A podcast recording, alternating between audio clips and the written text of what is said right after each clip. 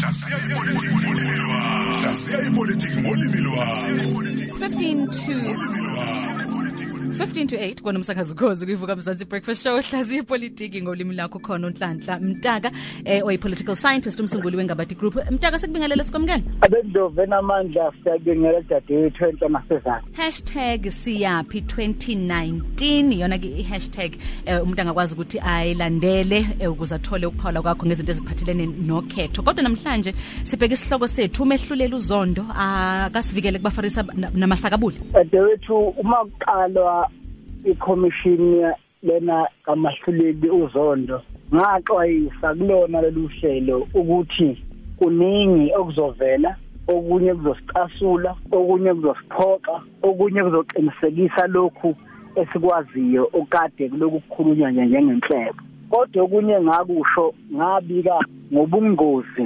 bofakazi nobungozi babasolwa ekudlaleni ngemiqondo yethu.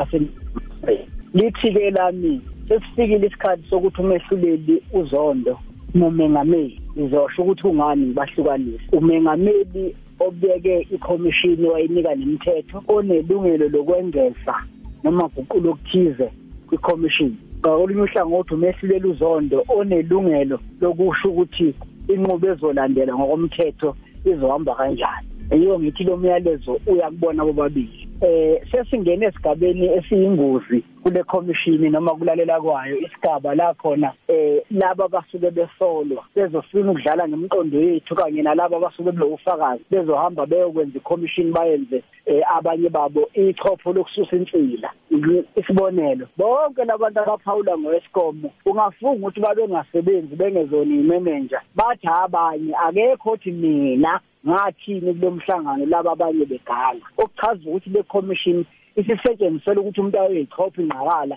abe mhle yena abeninda omunye umuntu.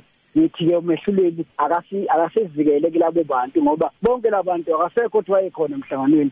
Sengathi kwakwenzeka into engekho kanti babe khona bonke begila lemkhuba abakhuluma ngayo. Okwesibili akasivikele umengameli ku- kubantu beindaba nabantu abahlaziyayo njengomdaka laba bantu banemkhuba emibi yokuthi bakhulume into uma isavuna bona ithi ningasabavuni bese bethula nje aye ngenze sibonele uhambe lapha eh, um- umkhipho wengqoko eh, umnomzana uagrees wathi kunabantu abenze lokhu nalokhu nalokhu. Abe indaba bahlala kuyona abahlaziyi bahlala kuyona bathi nangu umuntu ekhuluma iqiniso. Uma esethi nabe indaba ubanikile 100000 sekusuka bona abe indaba bathi hayi eh, ba- benze uphenyo lwabo liseceleni bathola ukuthi uagrees ukhuluma iphutha. Abasabuyi bazosho kubantu baseningizimu afrika ukuthi uagrees lona ubuye abe namanga. Sekuyibona nje abashoyo. Yiphutha-ke lelo kuza kwethu ukuthi sithi ngoba into isithinta thina bese sinyanyalaka nalapho ngithi uma silele uzondo asifake inhla inkalivasi nathi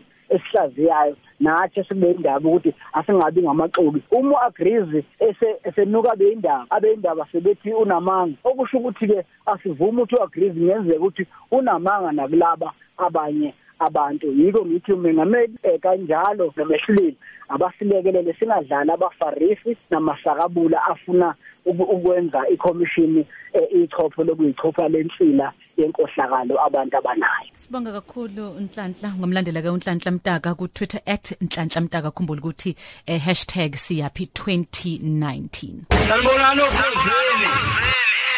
Nidlalelani ngabantu bakaNkuluNkulu ngempela. Nidlalelani ngabantu bakaNkuluNkulu.